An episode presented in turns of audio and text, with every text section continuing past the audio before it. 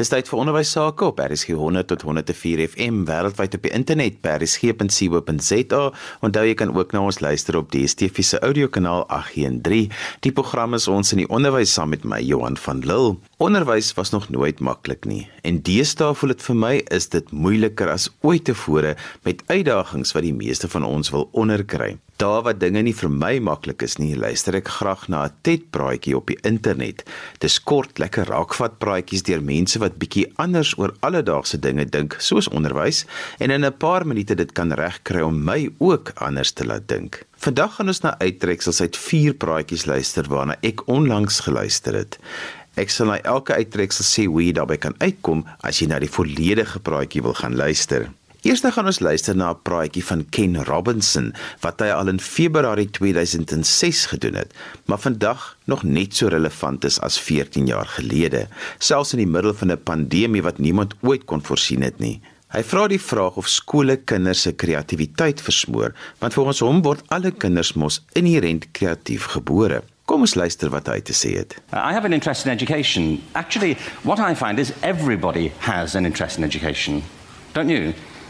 I find this very interesting. If you're at a dinner party and you say you work in education, actually, you're not often at dinner parties, frankly. if, uh,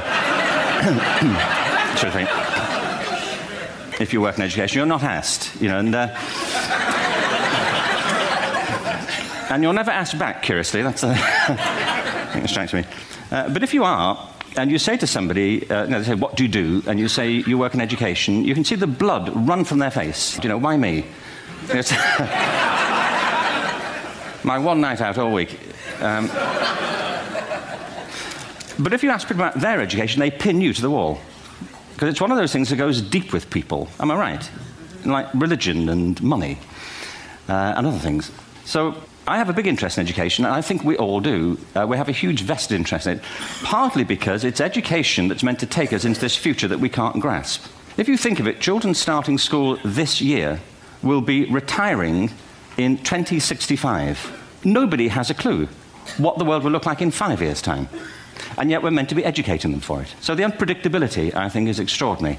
And the third part of this is that we've all agreed, nonetheless, on the really extraordinary capacities that children have their capacities for innovation. And my contention is all kids have tremendous talents and we squander them pretty ruthlessly. So I want to talk about education and I want to talk about creativity. My contention is that creativity now is as important in education as literacy.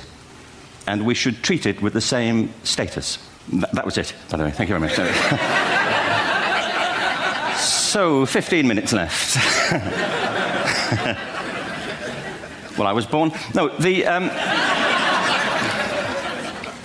I had a great story recently, uh, I love telling it, of a little girl who was uh, in a drawing lesson. She was six and she was at the back drawing, and the, the, teacher said this little girl hardly ever paid attention. And in this drawing lesson, she did. And uh, the teacher was fascinated. She went over to her and she said, What are you drawing? And the girl said, I'm drawing a picture of God. And the teacher said, But nobody knows what God looks like. And the girl said, They will in a minute.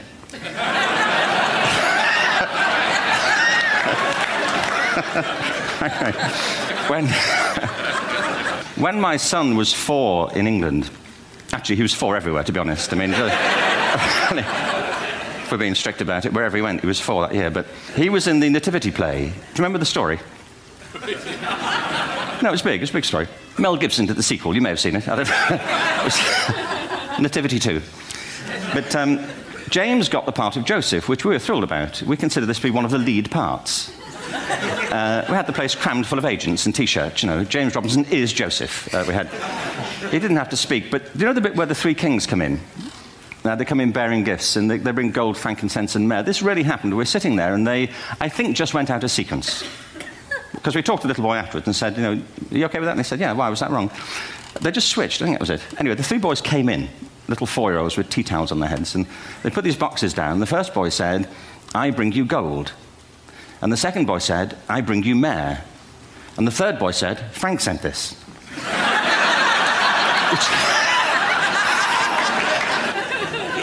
what these things have in common is that kids will take a chance. You know, if they don't know, they'll have a go. Am I right? They're not frightened of being wrong. Now, I don't mean to say that being wrong is the same thing as being creative. What we do know is if you're not prepared to be wrong, you'll never come up with anything original. If you're not prepared to be wrong. And by the time they get to be adults, most kids have lost that capacity. Uh, they have become frightened of being wrong. And we run our companies this, by the way. We stigmatize mistakes. And we're now running national education systems where mistakes are the worst thing you can make. And the result is that we are educating people out of their creative capacities. Picasso once said this. He said that all children are born artists. The problem is to remain an artist as we grow up. I believe this passionately that we don't grow into creativity, we grow out of it or rather, we get educated out of it. So, why is this? Uh, I lived in Stratford on Avon uh, until about five years ago. In fact, we moved from Stratford to Los Angeles. So, you can imagine what a seamless transition you know, this was from. LA. Actually, we lived in a place called Snitterfield, uh, just outside Stratford, which is where Shakespeare's father was born. Are you struck by a new thought? I was. You don't think of Shakespeare having a father, do you? Do you? Because you don't think of Shakespeare being a child, do you? Shakespeare being seven. I never thought of it. I mean, he was seven at some point. He was in somebody's English class, wasn't he? really? How annoying would that be? You know? En die res van die praatjie betree Robertson dit dat baie talentvolle, briljante, kreatiewe mense opgevoed word om te glo dat hul talente nie gewaardeer word nie en dat hierdie talente soms baie keer in hulle pad tot sukses kan staan. Robertson maak 'n baie sterk saak uit in die res van die praatjie dat ons ons siening van intelligensie radikaal moet heroorweeg as iets wat divers is, dinamies is en van ons unieke mense maak. As jy na hierdie TED praatjie wil gaan luister, Google gerus do schools kill creativity Ken Robinson. En as jy hierdie woorde intik op Google, gaan jy maklik by die praatjie uitkom. In Mei 2013 het Jeffrey Canada 'n TED-praatjie gelewer wat al deur meer as 1.5 miljoen mense wêreldwyd gekyk is. Jeffrey Canada praat oor die wêreld se lang geskiedenis van mislukking in onderwys en dat soveel plekke in die wêreld daar so bitter min hieraan gedoen word. Van 'n wetenskaplike sowel as 'n sakeperspektief sê Geoffrey Canada maak dit eenvoudig glad nie sin nie. Kom ons hoor wat hy te sê het. I'm a little nervous because my wife Yvonne said to me, she said, Jeff, you watch the TED Talks. I said, yes, honey, I love TED Talks. She said, you know they're like really smart, talented. I said, I know, I know. She said, they, they don't want like the angry black man. So I said, No, I'm gonna be good, honey. I'm gonna be good. I am, but I am angry. and the last time I looked, um, so, so this is this is why I'm, I'm, I'm excited, but I'm angry. This year, there are going to be millions of our children that we're going to needlessly lose. That, they, that we could right now we could save them all. You saw the quality of the educators who were here. Do not tell me they could not reach those kids and save them. I know they could. It is absolutely possible. Why haven't we fixed this? Those of us in education have held on to a business plan that we don't care how many millions of young people fail. We're going to continue to do the same thing that didn't work. And nobody Nobody is getting crazy about it, right? Enough to say enough is enough. So here's a business plan that simply does not make any sense. You know, uh, I, I, grew up uh, in the inner city, and there were kids who were failing in schools 56 years ago when I first went to school. And those schools are still lousy today. 56 years later. And you know something about a lousy school? It's not like a bottle of wine, right? Where you say like 87 was like a good year, right? That's not how this thing. I mean, every single year, it's still the same approach, right? One size fits all. If you get it, fine. And if you don't, tough luck. Just tough luck. Why haven't we allowed innovation to happen? Do not tell me we can't do better than this. Look, you go into a place that's failed kids for 50 years, and you say, So what's the plan? And they say, Well, we're going to do what we did last year this year. What kind of business model is that? Banks used to open and operate between 10 and 3. They operate 10 to 3. They, they will close for lunch hour. Now, who can bank between 10 and 3? The unemployed. They don't need banks. They got no money in the banks. Who created that business model, right? And it went on for decades. You know why? Because they didn't care. It wasn't about the customers. It wasn't about the, it was about bankers. They created something that works for them. How could you go to the bank when you were at work? It didn't matter. Then they don't care whether or not Jeff is upset he can't go to the bank. Go find another bank. They all operate the same way, right? Now, one day, some crazy banker had an idea maybe we should keep the bank open when people come home from work. They might like that. What about a Saturday? What about introducing technology? Now, look, I'm a, I'm a technology fan, but I have to admit to you all, I'm a little, I'm a little old. So I was a little slow, and I did not trust technology. And when they first came out with those new contraptions, these tellers that you put in a card and they give you money, I was like, there's no way that machine is going to count that money right. I am never using that, right? So, so technology has changed. Things have changed. Yet, not in education. Why? Why is it that when we had rotary phones, when we were having folks being crippled by polio, uh, that we were teaching the same way then that we're doing right now. And if you come up with a, a plan to change things, people consider you radical. They will say the worst things about you. I said one day, well, look, if the science says, this is science, not me, that our poorest children lose ground in the summertime, right? You see where they are in June, you say, okay, they're there. You look at them in September, they've gone down. You say, woo. So I heard about that in 75 when I was at the ed school at Harvard. It was, I said, oh, wow, this is an important study because it suggests we should do something. Every 10 years, they reproduce the same study.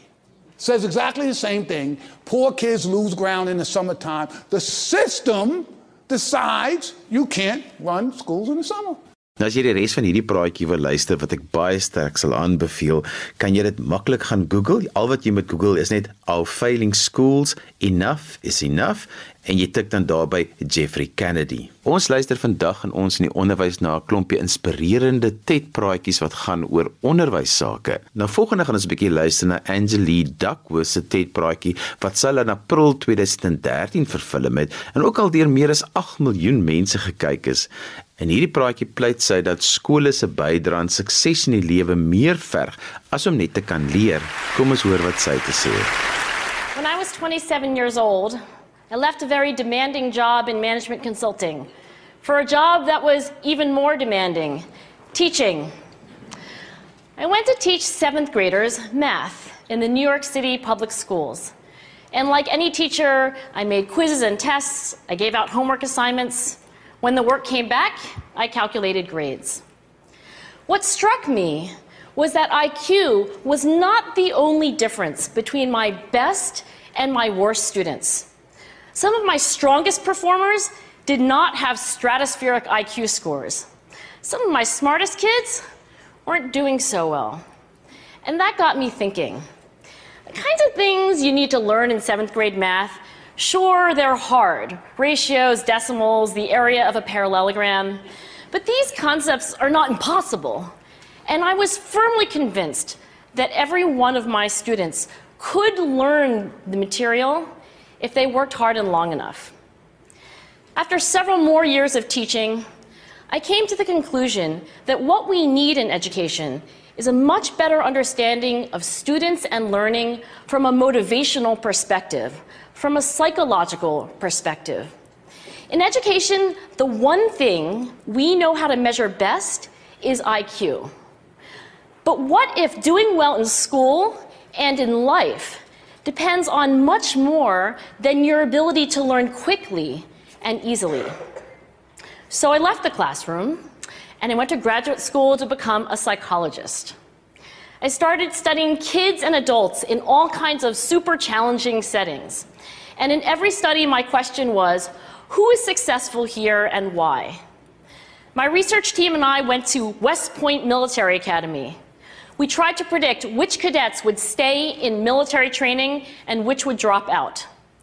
We went to the National Spelling Bee and tried to predict which children would advance farthest in competition. We studied rookie teachers working in really tough neighborhoods, asking which teachers are still going to be here in teaching by the end of the school year. And of those, who will be the most effective at improving learning outcomes for their students? We partnered with private companies asking which of these salespeople is going to keep their jobs and who's going to earn the most money. In all those very different contexts, one characteristic emerged as a significant predictor of success. And it wasn't social intelligence, it wasn't good looks, physical health, and it wasn't IQ. It was grit. Grit is passion and perseverance for very long term goals. Grit is having stamina. Grit is sticking with your future, day in, day out, not just for the week, not just for the month, but for years and working really hard to make that future a reality. Grit is living life like it's a marathon, not a sprint. A few years ago, I started studying grit in the Chicago public schools. I asked thousands of high school juniors to take grit questionnaires and then waited around more than a year to see who would graduate. Turns out that grittier kids were significantly more likely to graduate even when I matched them on every characteristic I could measure. Things like family income, standardized achievement test scores, even how safe kids felt when they were at school. So it's not just at West Point or the National Spelling Bee that grit matters, it's also in school, especially for kids at risk for dropping out. To me, the most shocking thing about grit is how little we know, how little science knows about building it. Every day, parents and teachers ask me, How do I build grit in kids? What do I do to teach kids a solid work ethic? How do I keep them motivated for the long run? The honest answer is, I don't know. what I do know is that talent doesn't make you gritty. Our data show very clearly that there are many talented individuals who simply do not follow through on their commitments. In fact, in our data, grit is usually unrelated or even inversely related to measures of talent. So far, the best idea I've heard about building grit in kids is something called growth mindset. This is an idea developed at Stanford University by Carol Dweck, and it is the belief that the ability to learn is not fixed, that it can change with your effort. Dr. Dweck has shown that when kids read and learn about the brain and how it changes and grows in response to challenge, they're much more likely to persevere when they fail because they don't believe that failure is a permanent condition. So, growth mindset is a great idea for building grit, but we need more. And that's where I'm going to end my remarks because that's where we are. That's the work that stands before us. We need to take our best ideas, our strongest intuitions, and we need to test them. We need to measure whether we've been successful, and we have to be willing to fail, to be wrong, to start over again with lessons learned. In other words, we need to be gritty about getting our kids grittier. As jy na hierdie praatjie wil luister, Google net The Key to Success Grit en voeg daarby Angela Lee Duckworth. Die laaste tyd praatjie waarop ons gaan fokus gaan oor wat wil jy wees as jy ouer word? Nou dit is nogal 'n kommerwekkende vraag vir baie mense want dit word van 'n jong ouderdom vir kinders gevra. Emily Wapnick is een van hierdie kinders en kom ons hoor wat is haar antwoord op hierdie onskuldige vraag van wat wil jy eendag word as jy ouer is? Raise your hand if you've ever been asked the question, What do you want to be when you grow up? Now, if you had to guess, how old would you say you were when you were first asked this question? You can just hold up fingers. Three, five, three, five, five. Okay. Now, raise your hand if the question, What do you want to be when you grow up, has ever caused you any anxiety. Any anxiety at all. I'm someone who's never been able to answer the question, What do you want to be when you grow up? See, the problem wasn't that I didn't have any interests, it's that I had too many. In high school, I liked English and math and art, and I built websites, and I played guitar in a punk band called Frustrated Telephone Operator. Maybe, maybe you've heard of us. This continued after high school, and at a certain point, I began to notice this pattern in myself where I would become interested in an area and I would dive in and become all consumed, and I get to be pretty good at whatever it was. And then I would hit this point where I'd start to get bored. And usually I would try and persist anyway because I had already devoted so much time and energy and sometimes money into this field. But eventually, this sense of boredom, this feeling of like, like, yeah, I got this. This isn't challenging anymore. It would get to be too much, and I would have to let it go. But then I would become interested in something else, something totally unrelated, and I would dive into that and become all consumed, and I'd be like, yes, I found my thing. And then I would hit this point again where I'd start to get bored. And eventually, I would let it go. But then I would discover something new and totally different, and I would dive into that. This pattern caused me a lot of anxiety for two reasons. The first was that I wasn't sure how I was going to turn any of this into a career. I thought that I would eventually have to pick one thing, deny all of my other passions, and just resign myself to being bored. The other reason it caused me so much anxiety was a little bit more personal. I worried that there was something wrong with this, and something wrong with me for being unable to stick with anything. I worried that I was afraid of commitment, or that I was scattered, or that I was self sabotaging, afraid of my own success. If you can relate to my story and to these feelings, I'd like you to ask yourself a question that I wish I had asked myself back then. Ask yourself where you learned to assign the meaning of wrong or abnormal to doing many things. I'll tell you where you learned it. You learned it from the culture. We were first asked the question, What do you want to be when you grow up? when we're about five years old. And the truth is that no one really cares what you say when you're that age.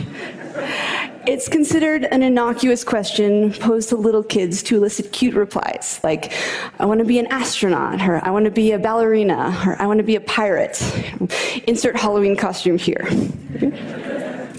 But this question gets asked of us again and again as we get older in various forms. For instance, high school students might get asked what major they're going to pick in college. And at some point, what do you want to be when you grow up goes from being the cute exercise it once was to the thing that keeps us up at night. Why? See, while this question inspires kids to dream about what they could be, it does not inspire them to dream about all that they could be. In fact, it does just the opposite. Because when someone asks you what you want to be, you can't reply with 20 different things. The well meaning adult will likely chuckle and be like, oh, how cute, but you can't be a violin maker and a psychologist. You have to choose. This is Dr. Bob Childs. and he's a luthier and a psychotherapist. And this is Amy Ng, a magazine editor turned illustrator, entrepreneur, teacher, and creative director. But most kids don't hear about people like this. All they hear is that they're going to have to choose. But it's more than that. The notion of the narrowly focused life is highly romanticized in our culture. It's this idea of destiny or the one true calling. The idea that we each have one great thing we are meant to do during our time on this earth, and you need to figure out what that thing is and devote your life to it. But what if you're someone who isn't wired this way? What if there are a lot of different subjects that you're curious about and many different things you want to do? Well, there is no room for someone like you in this framework. And so you might feel alone You might feel like you don't have a purpose. You might feel like there's something wrong with you. There's nothing wrong with you. What you are is a multi potentialite. a multi potentialite is someone with many interests and creative pursuits. As jy na die res van hierdie praatjie wil luister, Google net why some of us don't have one true calling en voeg daarby die woorde Emily Wapnick. En dan moet ons kom aan die einde van vandag se ons in die onderwys onthou kan weer na vandag se program luister as 'n pot gooi, laat dit af by resgep.co.za. daarmee groet ek dan vir vandag tot volgende week van my Johan van Lille. Totsiens.